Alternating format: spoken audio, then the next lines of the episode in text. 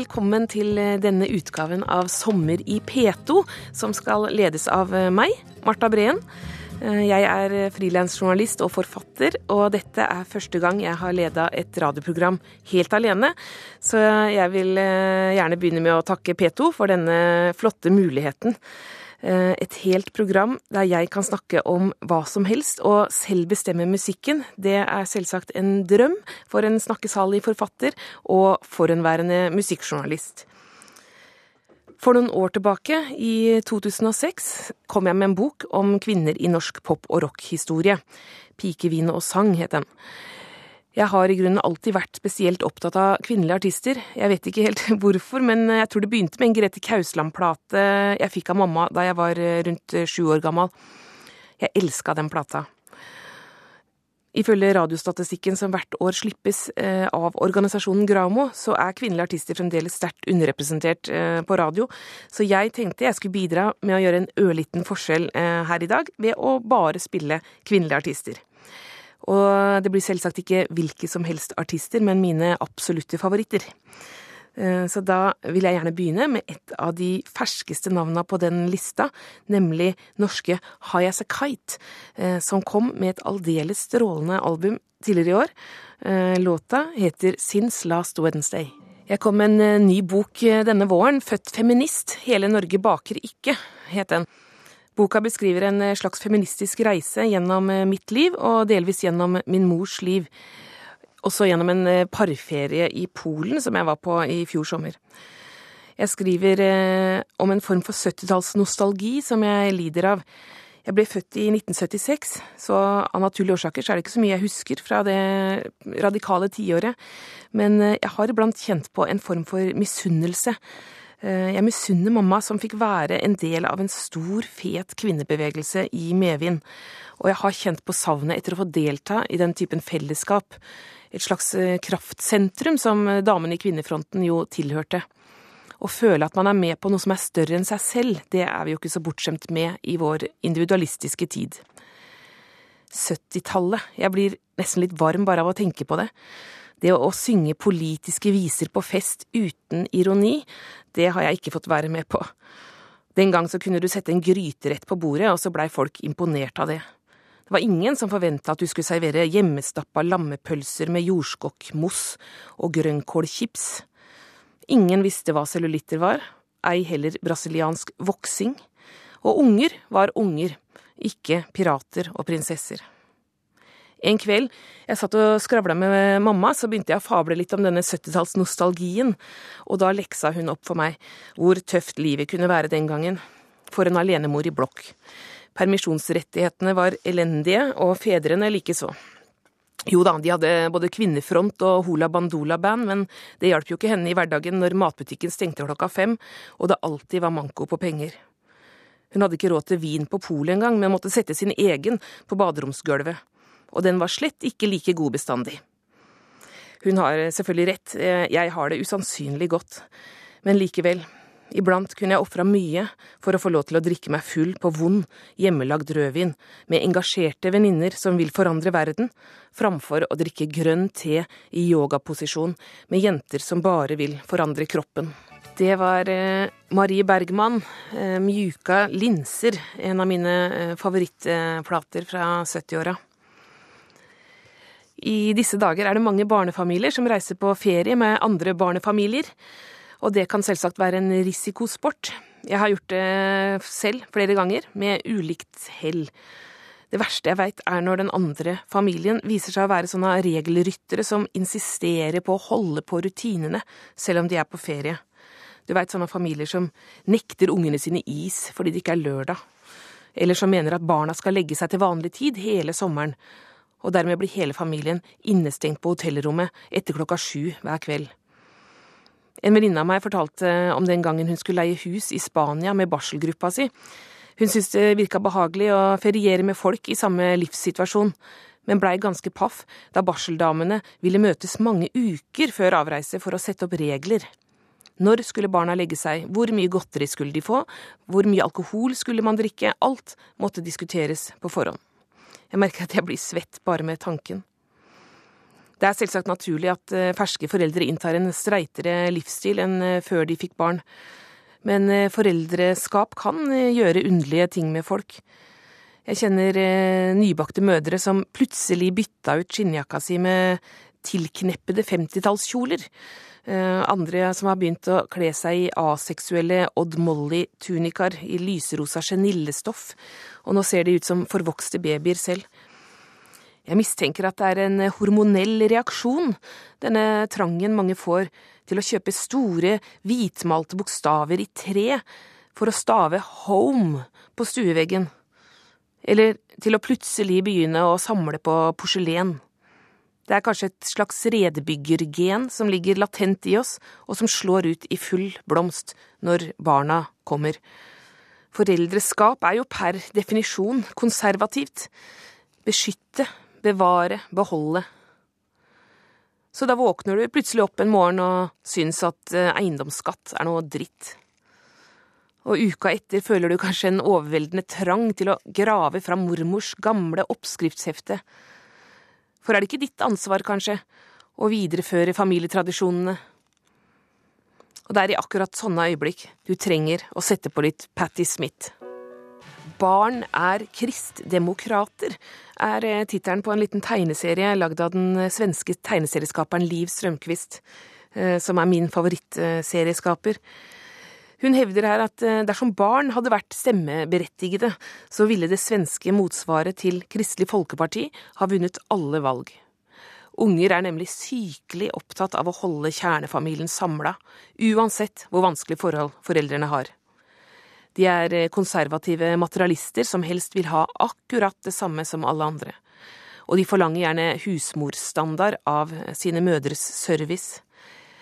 Barna er besatt av gamle tradisjoner og krever at alle høytider skal feires nøyaktig som året før.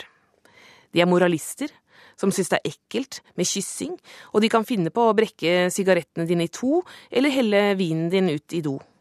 Og som ikke det var nok, barn elsker overklassen og identifiserer seg helst med konger, prinser og prinsesser. Så hvis barna får bestemme, så blir det borgerlig konformitet, ikke radikalitet. Sannsynligvis så tilhører jeg historiens første generasjon som er mer konservativ enn sine foreldre. Den tanken har iallfall slått meg når jeg sammenligner mine døtres oppvekst med min egen. For vi som vokste opp på 70- og 80-tallet, vi kan jo fortelle historier som virker absurde, i beste fall eh, eksotiske, for yngre generasjoner. For dette var en verden uten sikkerhetsbelter, der de voksne ennå ikke hadde begynt å telle på hva som var et passende antall alkoholenheter å konsumere i selskap med barn. Vi var passive røykere, alle som én og hvis du blei bilsjuk i baksetet på grunn av den tette røyklufta, fikk du bare beskjed om å sveive ned ruta og puste ut av vinduet. Var du attpåtil AKP-ML-unge som meg, blei du sendt i demonstrasjonstog for å rope slagord du ikke forsto, gjerne på spansk. Om sommeren dro vi på pionerleir, der flere av ungene var blitt utstyrt med falske navn hjemmefra. De voksne hadde nemlig en paranoid forestilling om at de blei overvåka av pott. Det viste seg jo senere å være en snev av sannhet her. Med barndomsminner som dette så underholder vi hverandre, og så ler vi litt av våre gærne 70-tallsforeldre, der vi står ved kjøkkenbenken og trykker ut hjerteformede fiskepuddingsskiver til minstens matboks. Det var eh, Bjørk med Human Behavior. Min eh, eldste datter går på SFO og flere andre fritidsaktiviteter. Selv så gikk jeg aldri på SFO. Når eh, skolen var slutt for dagen, så rusla jeg stort sett hjem aleine. Og jeg likte å være aleine. Min tre år eldre søster hun hadde litt lengre skoledager enn meg, så da fikk jeg den store, digre trevillaen i Larvik helt for meg selv. Jeg hadde vanvittig god tid den gangen. Jeg kunne ligge en hel time på baderomsgulvet og bare klappe katten, som var svimeslått av det varme kabelgulvet. Jeg gnagde på tørre spagettistrå som jeg fant i kjøkkenskapet, og skreiv små fortellinger på den gamle skrivemaskinen jeg hadde på rommet. Eller så satt jeg bare i lotusstilling ved siden av den stinkende rødvinsballongen på badet og telte sekunder mellom hvert plopp. Jeg kan ikke huske at noen voksne lekte med meg noen gang, men jeg ble ofte tatt med på politiske møter, på mammas venninnetreff eller på pappas lange kafébesøk med kaffe og dagblad. og da jeg kjeda meg.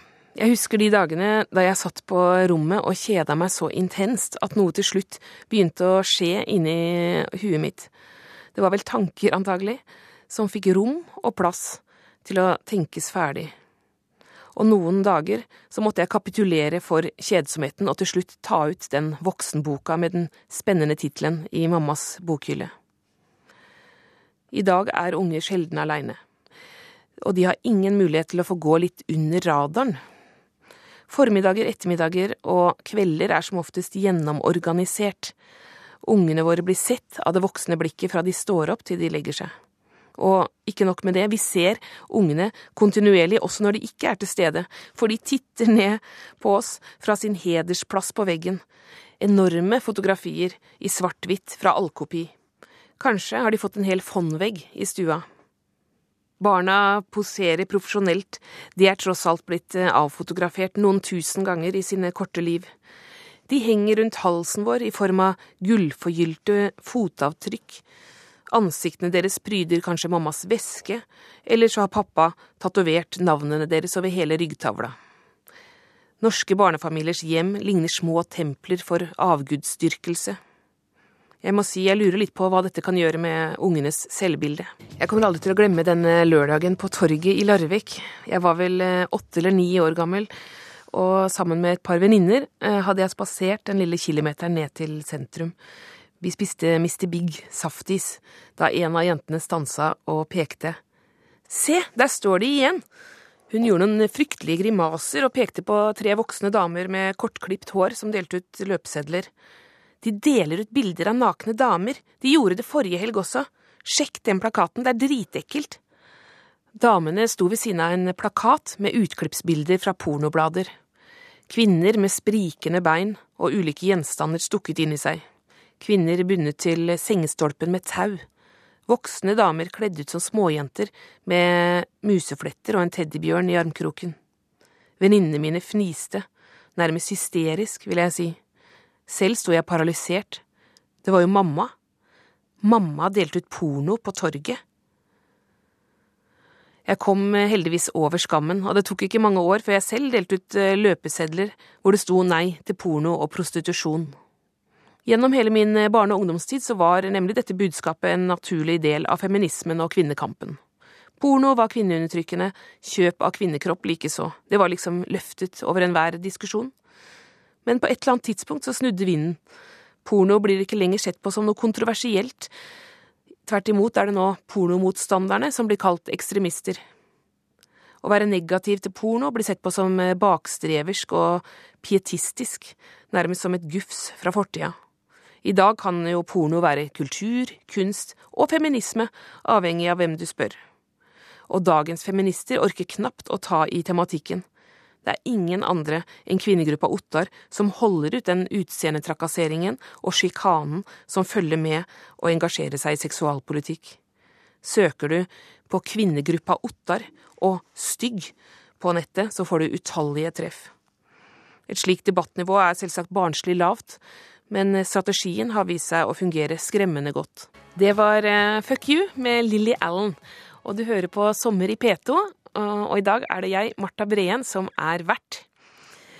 Iblant så kan jeg bli litt småirritert på annonsører som insisterer på at de vet hva kvinner vil ha. Spesielt når det ofte viser seg at dette innebærer å ligge helt stille med agurk på øynene. Det er mange kommersielle aktører der ute som er veldig opptatt av å fortelle oss at kvinner er slik og menn er slik. Jeg har valgt å stå fram i offentligheten som feminist, selv om jeg veit at det er mange misforståelser rundt uh, dette begrepet der ute. Mange tror at uh, feminisme handler om mannshat, for eksempel. For meg så er det snarere tvert imot. Feminisme handler om at både kvinner og menn skal kunne frigjøre seg fra stereotype roller og strenge rammer basert på kjønn. Jeg tror at vi alle ville få det bedre hvis vi blei litt mindre opptatt av å plassere hverandre i båser. Når eh, feminister protesterer mot eh, skjønnhetstyranniet, får de gjerne beskjed om at det bare er å snu det andre kinnet til. Vi må heve oss over presset, eller slutte å kjøpe dameblader. Dette er individualistiske løsninger på noe jeg vil kalle strukturelle problem. Og det er dessverre en veldig tidstypisk måte å argumentere på. Jeg opplevde det samme da jeg møtte en mannlig kollega på fest eh, forleden, og vi begynte å diskutere lønnsgapet mellom typiske kvinneyrker og typiske manneyrker. Og da sa han man går jo ikke inn i omsorgsbransjen hvis man vil tjene godt. Dersom en kvinne er opptatt av høy lønn, må hun jo velge et annet yrke. Igjen denne personlige løsningen på et strukturelt problem.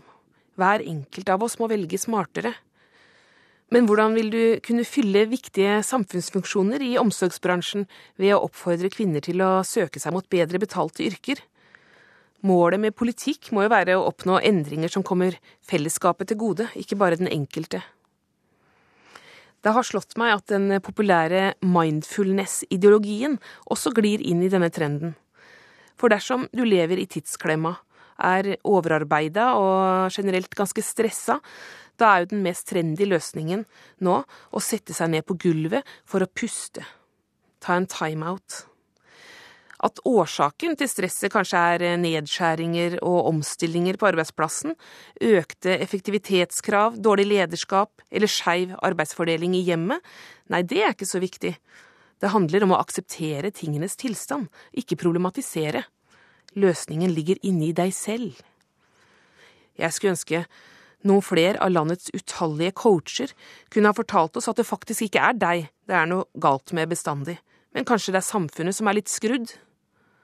Kanskje grunnen til at du er sliten, er at du tvinges til å fylle ut rapporteringsskjemaer for hver eneste arbeidsoppgave du utfører, og ikke fordi du puster på feil måte.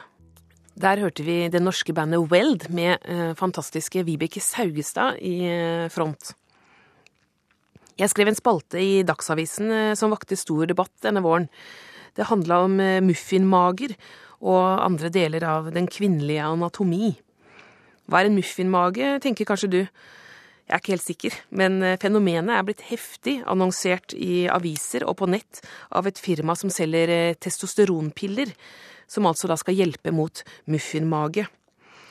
Jeg opplever at det ofte er sånn med nye ord, de bare dukker opp og forventer at vi skal forstå dem. Iblant får du en svak mistanke om at det nye ordet ikke vil deg vel, som når eh, markedsliberalister klarer å omdøpe ord som passasjerer, elever og pasienter til kunder, brukere eller enda verre biomasse. Man kan føle seg fremmedgjort av mindre. Det samme skjer når eh, ubehagelige nyord kastes etter kroppene våre. Når kvinnelige kroppsdeler plutselig får dyrenavn, som kalkunhals eller kameltå. Hvis du søker etter camel toe på nettet, får du tusenvis av treff. Fenomenet dreier seg om at noen har klart å fotografere en kvinne slik at det er mulig å skimte kjønnsleppene hennes gjennom tøyet, og dette er visstnok veldig stygt og pinlig. Flaggermus kan vi også få. Det var en eh, legebekjent av meg som nylig fortalte meg om dette. Flere unge pasienter har kommet inn på kontoret hennes med bekymringer over sine kjønnsleppers utseende. En hadde fått høre av kjæresten sin at hun hadde flaggermus, men min venn, som har jobbet som gynekolog i flere tiår, kunne raskt konstatere at pasienten var helt normal. Denne kjæresten din, hva slags erfaringsgrunnlag har han egentlig på området? spurte hun pasienten, og la til. Dersom han har sett flere kvinnelige underliv enn meg, er han nok ikke noe å samle på. Gjennom tabloidpressen har vi alle fått utvida ordforrådet vårt det siste tiåret. Rynkeknær, for eksempel. Disse begynte kjendispressen å jakte på etter at eh, Demi Moore ble avslørt med et par eh, slike. Grevinneheng, det er eh, noe ekkelt som man finner på undersiden av modne kvinners overarmer mens tykke ankler, også kalt cankles, er et annet eh, utbredt kvinneproblem, ifølge tabloidpressen. Hillary Clinton lider visstnok av dette. Ridebukselår, bollemus, kråketær, appelsinhud, hengelokk og sinnarynke. Alt sammen ord vi ikke trengte, ord vi ikke ønska oss, men som likevel insisterer på å være en del av vårt felles vokabular.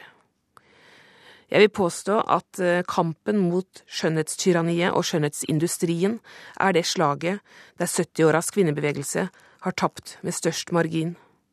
Stiller du i et 8. mars-tog med bannere om slike temaer i dag, så peker folk og ler. I beste fall blir du sett på som naiv. I mine mørkeste stunder får sinnarynker, cankles og muffinmager meg til å undre. Kan det være sånn at kvinners frihet og handlingsrom er en konstant størrelse? At hver gang vi vinner terreng gjennom nye rettigheter og politiske bestemmelser, så snevres rommet inn fra en annen kant? Kanskje det berømte glasstaket i realiteten er en boks med speil på alle kanter.